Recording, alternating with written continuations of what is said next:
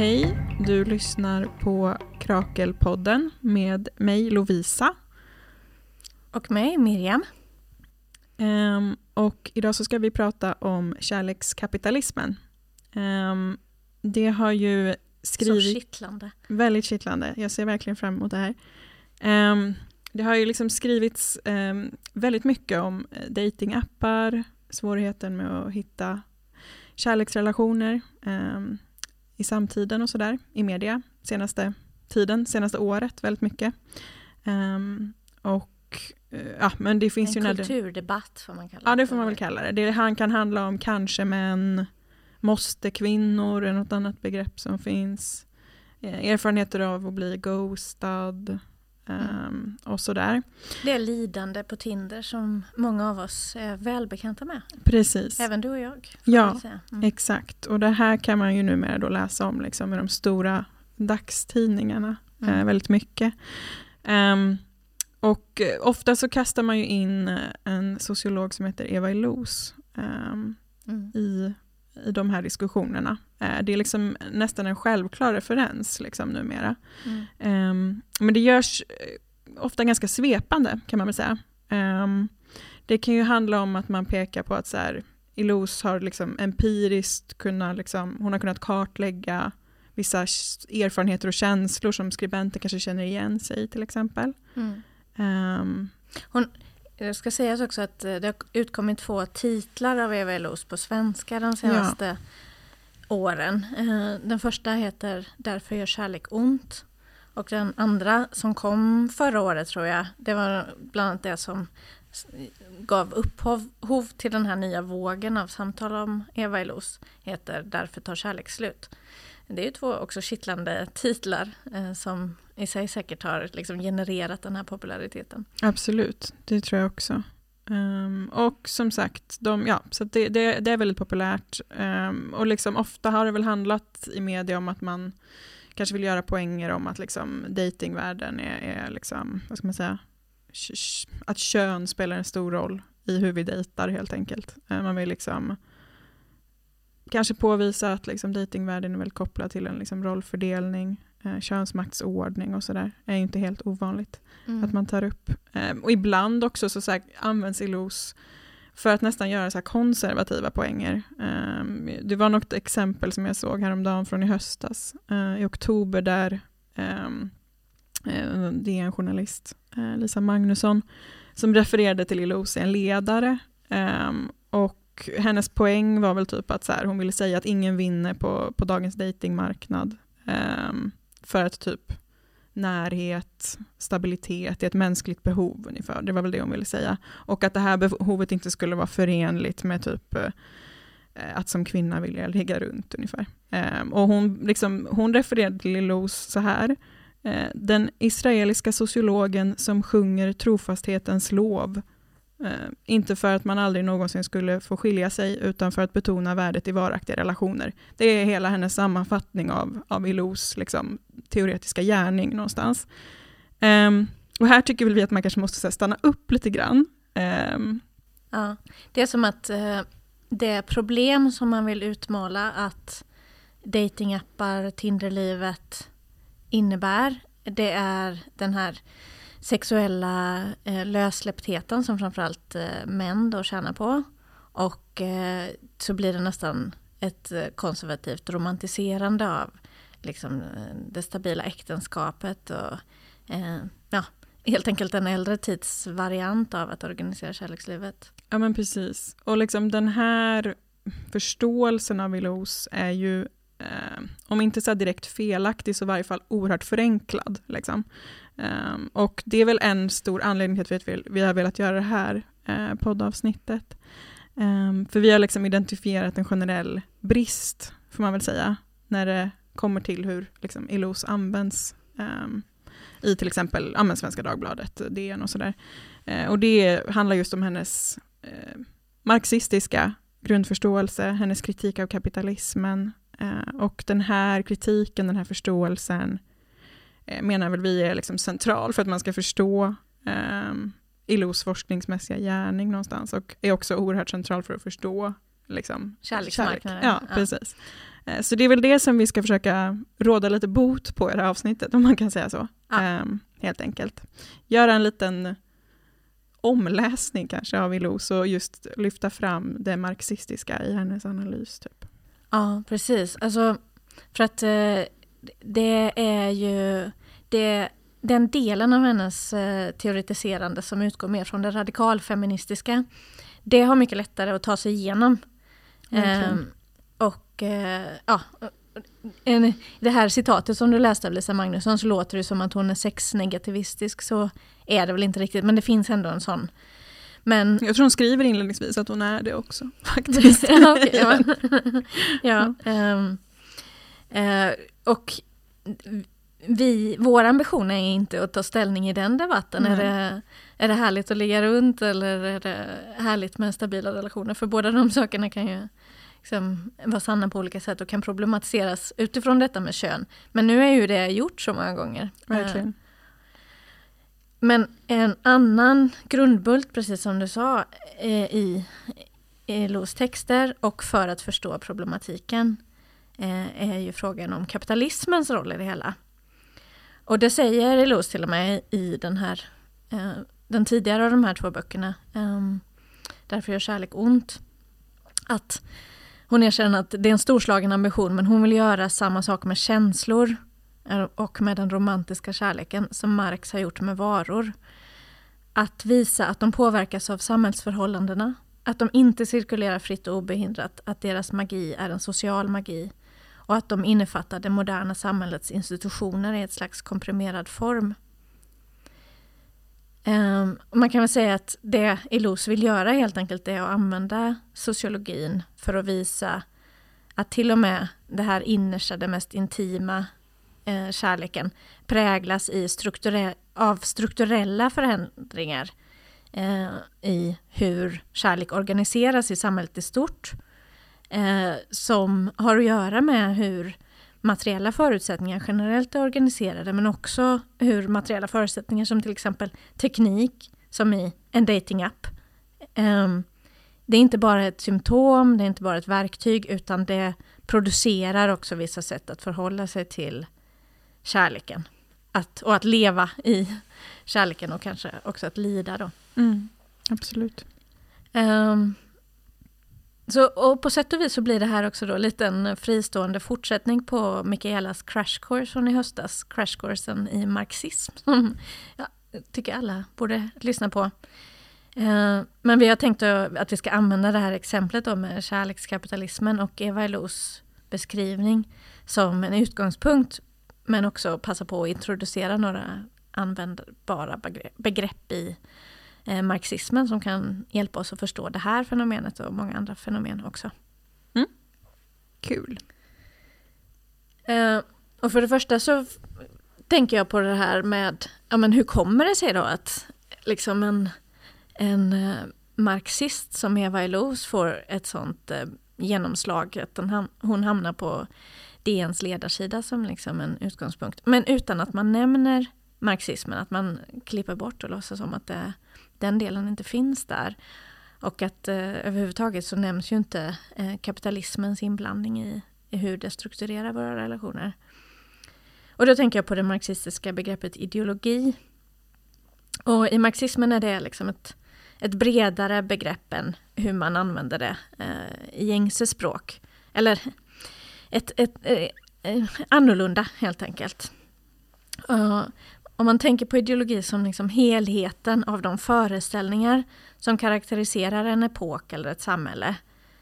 Eh, att hur vi lever, organiserar samhället, eh, producerar föreställningar. Samhällsstrukturerna och produktionssätten skapar vissa sätt att tänka på världen.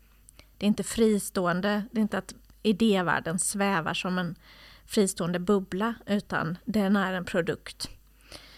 Eh, och eh, eh, den marxistiska teoretikern Lefebvre beskriver det som att det finns liksom en, en, en genomskinlighet, en brist på genomskinlighet i ett samhälle som är väldigt präglat av ideologi.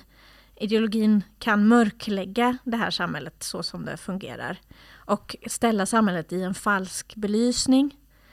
Eh, sänka samhället i skugga och mörker. Um, det vill säga att ideologin gör att vi inte ser samhället så som det faktiskt är organiserat utan att vi har en föreställning om det här samhället som, eh, som döljer hur det faktiskt ser ut. Kapitalismen omger sig med dimslöjor. Eh, så därför så och, eh, förekommer ju nästan inte ordet kapitalism i eh, det massmediala samtalet om hur det här samhället eh, är strukturerat trots att det är en så fruktansvärt grundläggande förutsättning. Ehm, så därför kan man ju heller inte i ett samtal om eh, hur kärleken är organiserat säga att en del av lidandet handlar om kapitalismen. Ehm, Medan däremot liksom den patriarkala ideologin, den har ju kommit mycket mer i gungning. Där kan man avslöja, där är samhället mer genomskinligt för oss nu. Um, så att det finns liksom ett alldeles för starkt politiskt och ideologiskt konsensus i i mainstream-ideologin om att kapitalismen är den enda möjliga organiseringen av ett samhälle. Och det, där kommer ett annat eh, marxistiskt begrepp eh, framtaget av eh, Gramsci, nämligen ordet hegemoni in. Alltså det här starka kulturella konsensus, konsensuset. Mm. Säger man så? Ja, man så? Vet inte, jag funderade faktiskt på det här om dagen. jag är osäker. Men jag tror, jag tror man förstår. Uh, ja. Uh, av hur samhället eh, fungerar och måste fungera, vad som är liksom common sense. Som, gör, som begränsar våra möjligheter att se samhället och att tänka och tänka nya banor och tänka alternativa modeller och så. Ett annat begrepp, att vi lever med ett falskt medvetande, är också en, kommer också från marxismen. Alltså den här omedvetenheten kring hur samhället egentligen är organiserat och varför vi är objektiva förlorare på att samhället är organiserat på det här sättet. Eh, så liksom utifrån detta då så, eh, så är ah, okej, okay, det är därför de liksom eh, kan slänga sig med los. Sen är, det kan ju också vara så, en annan materialistisk orienterad förklaring att journalisterna i sina, och kulturarbetarna i sina prekära liv faktiskt inte har tid att läsa den där mm. boken mm. utan bara plockar upp ett namn som är i svängen. Men, Absolut. Um, ja. Men det är väl också givet det som, det som du sa precis Miriam så blir ju det liksom en viktig uppgift liksom för en, en teoretiker som Milos just att så här medvetandegöra det här på något sätt, avmystifiera det här, eh, visa liksom eh, på vilket sätt som eh, vårt kärleksgörande hänger samman med liksom samhällsstruktur och kapitalismen. Mm. Att det blir en viktig liksom, forskningsgärning på något sätt. Precis. Eh, jag tycker att hon är otroligt givande att läsa just därför. Mm, absolut, jag håller med. Ja, och jag tänker att det hon visar hur, i hur samhällsstrukturen organiserar, skapar olika sätt för oss att liksom leva kärleken. Det, där kan man också dra in det här marxistiska tänkandet kring dialektiken mellan bas och överbyggnad. Alltså att eh, basen är hur samhället producerar sig själv. Eh, och överbyggnaden är kulturen, hur vi pratar om saker, men också institutionerna. Och i, i Marx så är också organiseringen av familjelivet liksom placerat i överbyggnaden. Men det kan man ju också från en liksom, marxistisk feministisk position kritisera och säga att det måste väl ändå förstås som en del av basen. Mm. Men hur som helst så eh, utgår ju den här tanken från, precis som i marxismen i stort, att hur vi organiserar någonting är inte naturligt eller universellt eller för alltid givet, utan följden av en historisk process.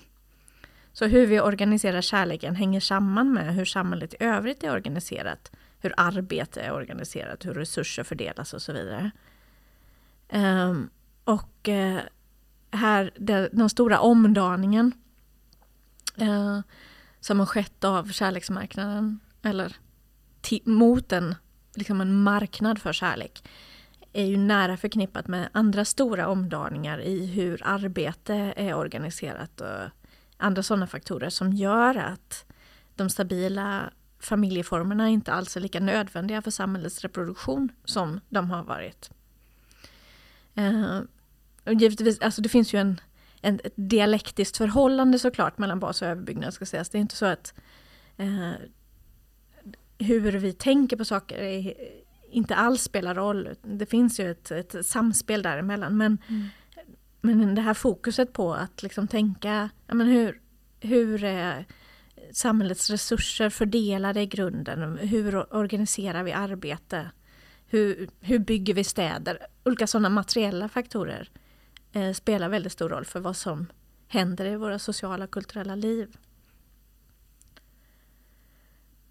Um, och ja, I det här fallet så, alltså bara det här faktumet att vi pratar om kärleken som en marknad, det hänger ju samman med uppkomsten av marknader och ett samhälle i vilket allt mer marknadiseras, dras in i ett köp och säljtänk, en fråga om utbud och efterfrågan. Mm.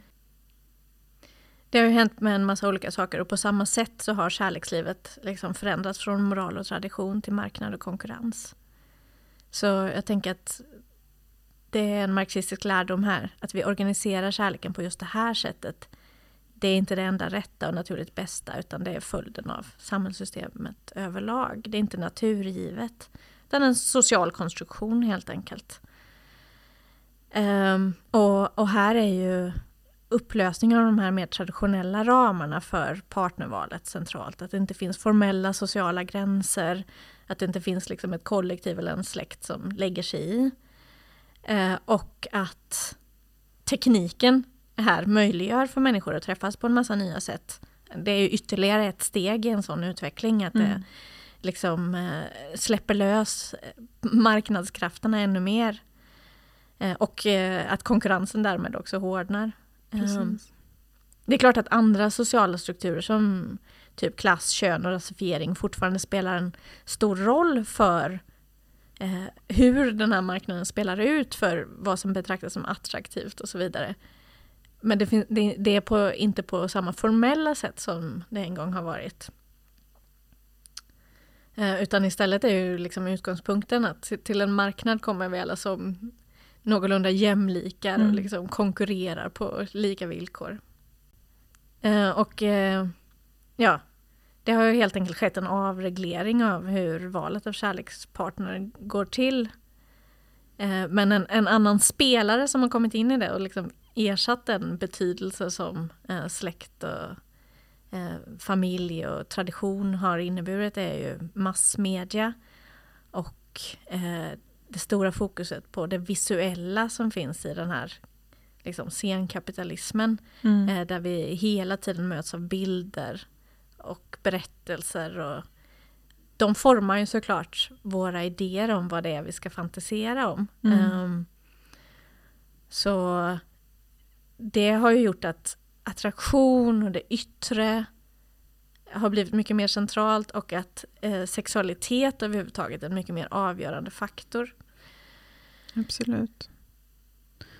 Och liksom, ja, alltså personligheten och liksom varan kopplas verkligen ihop på något sätt. Alltså, det sker liksom hela tiden någon slags visuell värdering som också så bekräftar min position som konsument hela tiden på den här datingmarknaden, tänker jag. Mm. Och det pratar ju liksom Ilos mycket om också. Att liksom det finns någon slags förväntan också på en själv som liksom, subjekt, att man hela tiden ska hålla på med någon slags här, pågående liksom, förfining och kultivering av ens liksom, smak och sådär.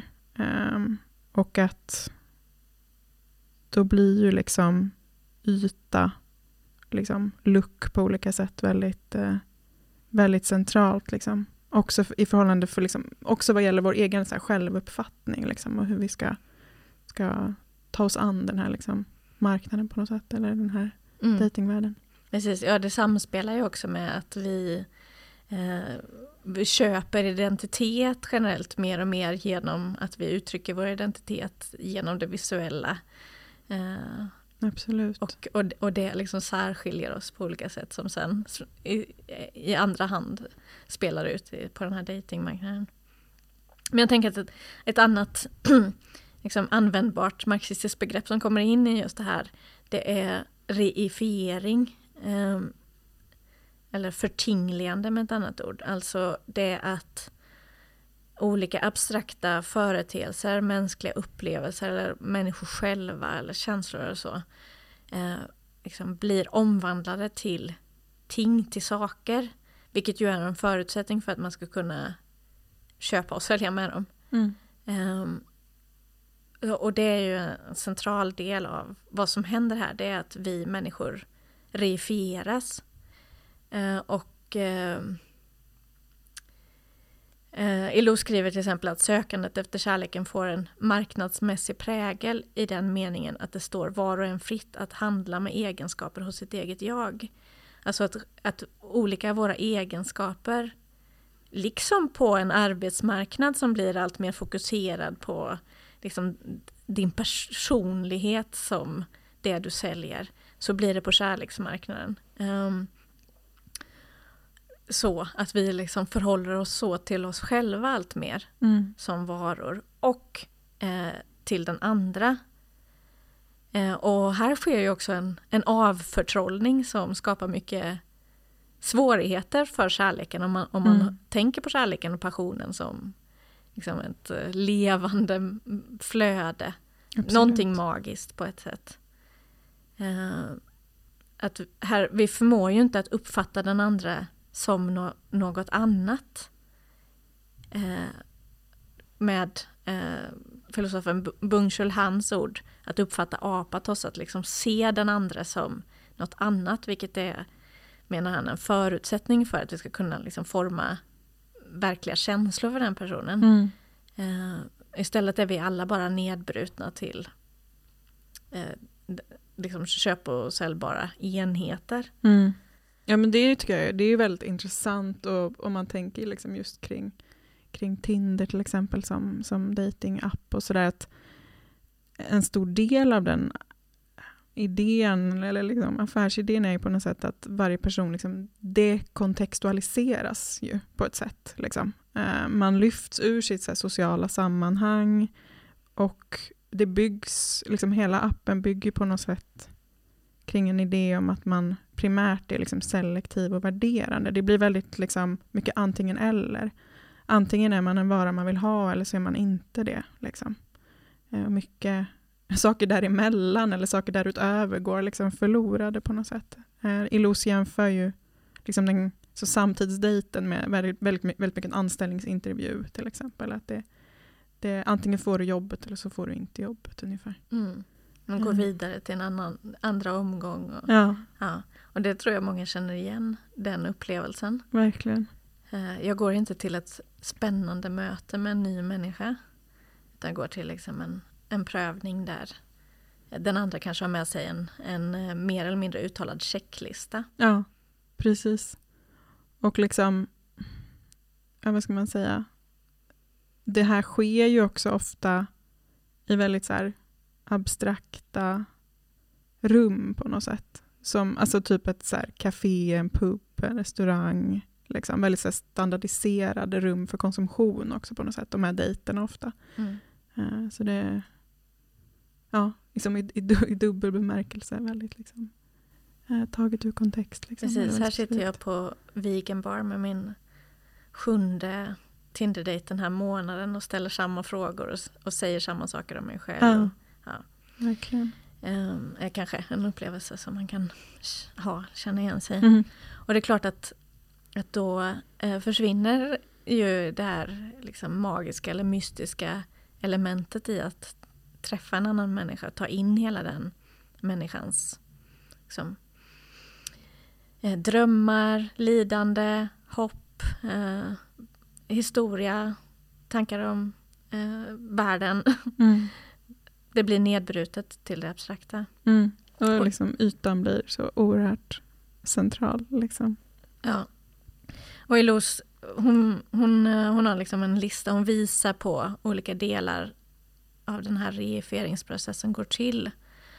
För det första då, eh, att vi använder intellektet eh, snarare än intuitionen eller känslan. Eh, vi försöker att liksom, avgöra intellektuellt. Eh, uppfyller du kraven på min lista? Eh, rationell hantering eh, av en stor mängd personer. Eh, det måste man ägna sig åt för att valen är så oändliga. Ungefär som en arbetsgivare som får in liksom, 110 ansökningar på tjänsten måste mm. kan inte ta in vad är, vad är det här för människor. Um, visualisering, alltså att eh, det, jag, jag sitter här och bläddrar, ja men den här verkar intressant men alltså har den inte lite konstig näsa, bort. Alltså att det, det visuella, det, yttre, det fysiska yttre blir så centralt. Um, jämförbarheten, att vi, vi eh, görs till mätbara, jämförbara enheter, vilket ju tas, tar ifrån oss en del av vår mänsklighet.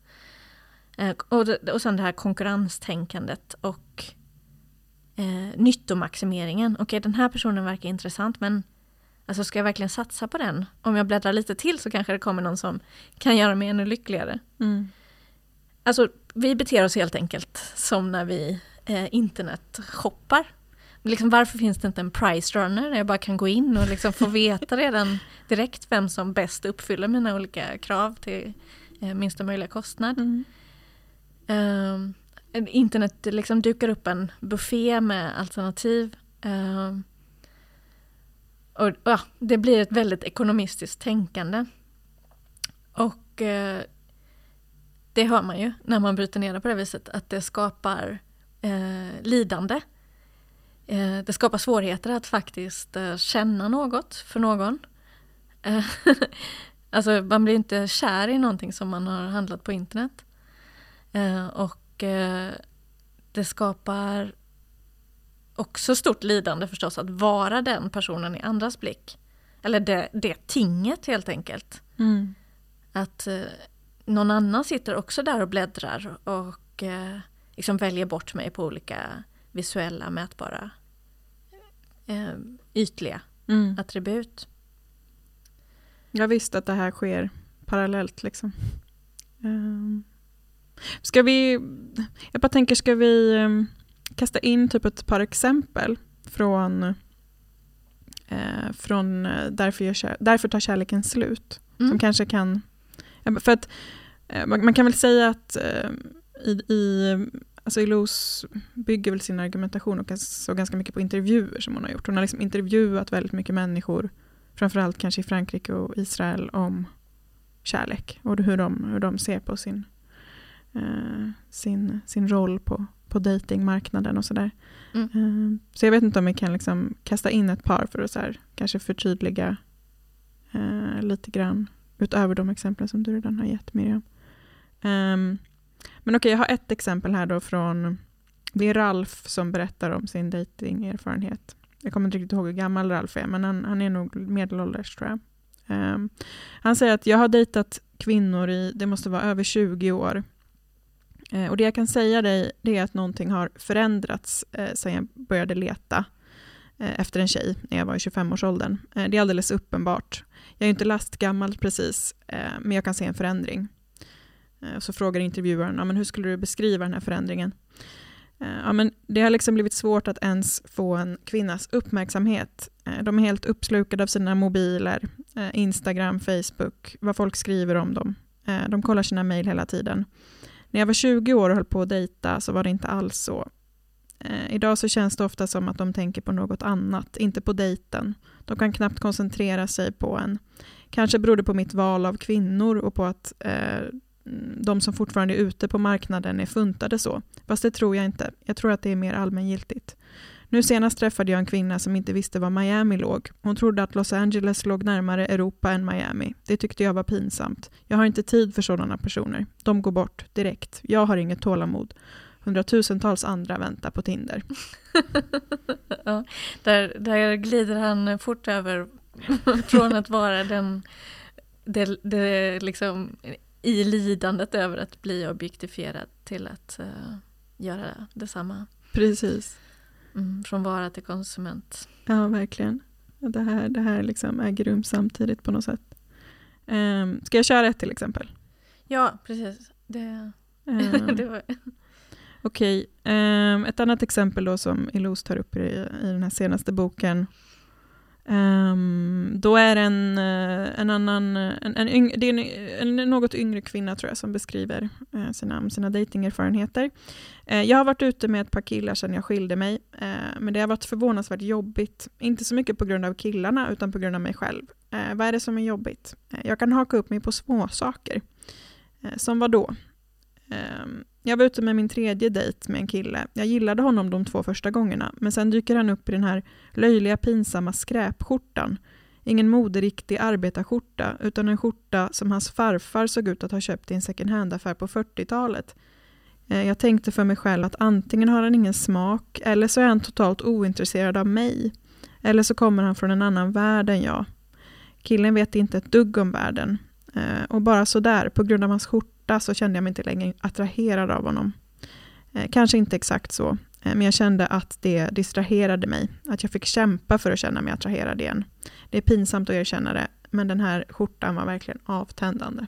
mm. det låter som någon som, eh, att han kommer från vår värld. Ja, faktiskt. Jag tyckte det lät ganska snyggt. Ja, eftersom vi också är liksom, så centrerade kring de eh, ytliga attributen så som man blir liksom, i scenkapitalismen. Mm. Eh, alltså det är lätt att här, sitta och skratta åt de här två figurerna nu. Eh, men om man istället vänder blicken mot sig själv eller mot sina nära som befinner sig i den här världen så är det ju väldigt mycket så det fungerar. Eh, och jag tänker att här också pågår en, en konstant distansering. Eh, man behöver ju också själv skydda sig just därför att man själv är en vara i den andres blick. Eh, så kan man ju heller inte vara fullt ut närvarande och sårbar. Mm. Ehm, och eh, ja, men, eh, kapitalismen är verkligen långt in i vårt innersta här. Verkligen. Både vår relation till oss själva och till liksom det där mötet med någon annan som kan vara så eh, fängslande Mm. egentligen. Och ja, jag tänker att att eh, ja men det här är ju väldigt centralt hos Silos att liksom peka ut det här att passionen, erotiken inte passar i den här i kapitalismens kostym. Eh, utan att, att det liksom sker en att det, det sker en rationalisering genom allt detta. Eh, mätandet, jämförandet, eh, nyttomaximerandet och så vidare. Som gör att vi inte kan komma i kontakt med de där känslorna. Eh, så det blir... Eh, vi blir väldigt eh, begränsade helt enkelt som möjliga älskande varelser. Mm. Sen tycker jag också att något annat som inte lyfts fram och som är förstås väldigt centralt, det är ju kapitalets direkta inblandning i den här historien. För, för det vi har pratat om nu, det handlar ju mer om ja, men kapitalismen som ideologi, hur vi formar våra sociala relationer och så. Men sen är det ju rent konkret också någon som tjänar pengar på detta. Stora pengar. Mm. Alltså det finns ju jättestora pengar i uh, datingmarknaden. Um, och uh, alltså cyniskt kan man ju lyfta fram också att ju sämre det går för oss och ju mer beroende vi blir av att sitta och bläddra på den där appen, desto mer tjän pengar tjänar någon på oss. Såklart är inte systemet liksom hackat för det, men på olika sätt eh, så samspelar ju detta med liksom vårt beroende av telefonen, eh, som ju också är liksom en, en väldigt närvarande del i senkapitalismen, med den här funktionen hos datingapparna att tjäna pengar på vårt sökande efter lycka och vårt eh, väldigt existentiella lidande som jag tycker Mm. också finns i detta. Ehm, och ja, alltså scenkapitalismen formar ju väldigt mycket vad vi, vad vi fantiserar om. Eh, liksom vilka möjlighetshorisonter våra drömmar ges. Det blir väldigt begränsat när, det, när vi eh, på många sätt tror jag många känner det utelämnade till detta. När jag hatar Tinder säger nästan alla. Mm. Men vad ska jag, hur ska jag annars göra?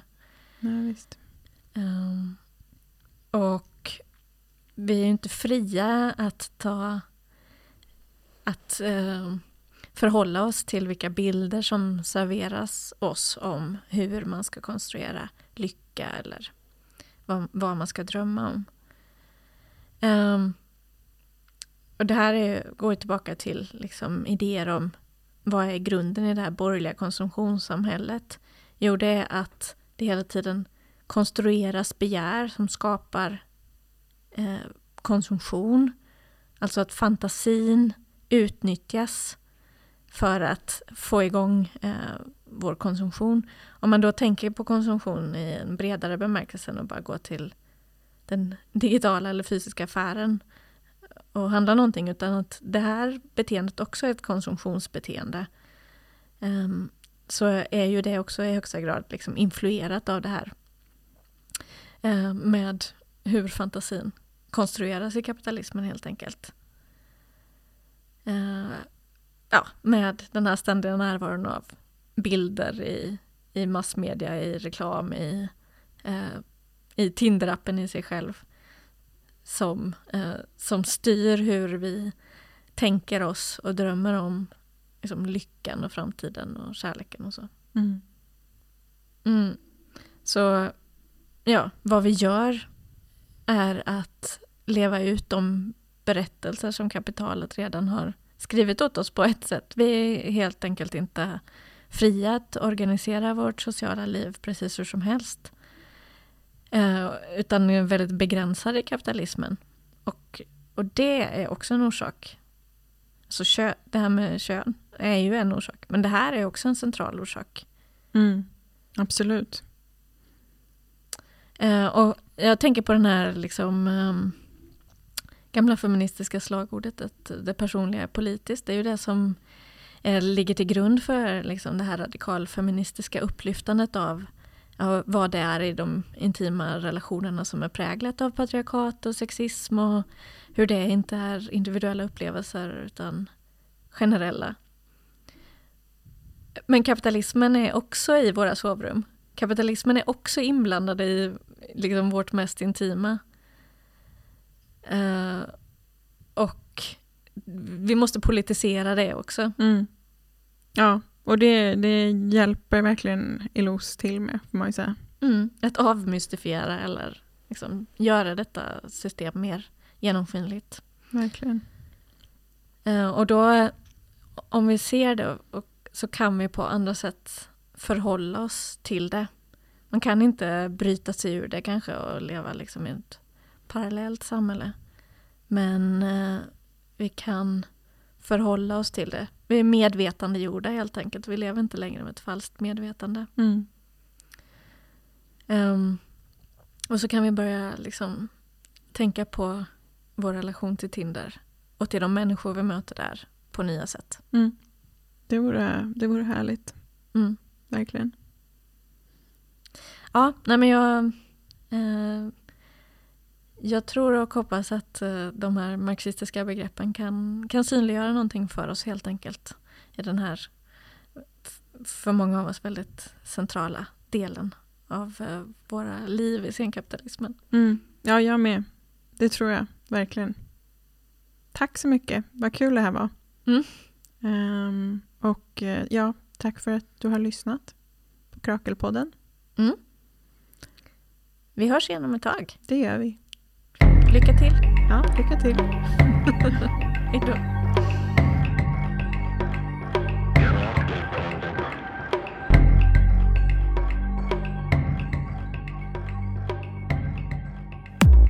Du har lyssnat på en podcast som görs i samarbete med ABF Malmö.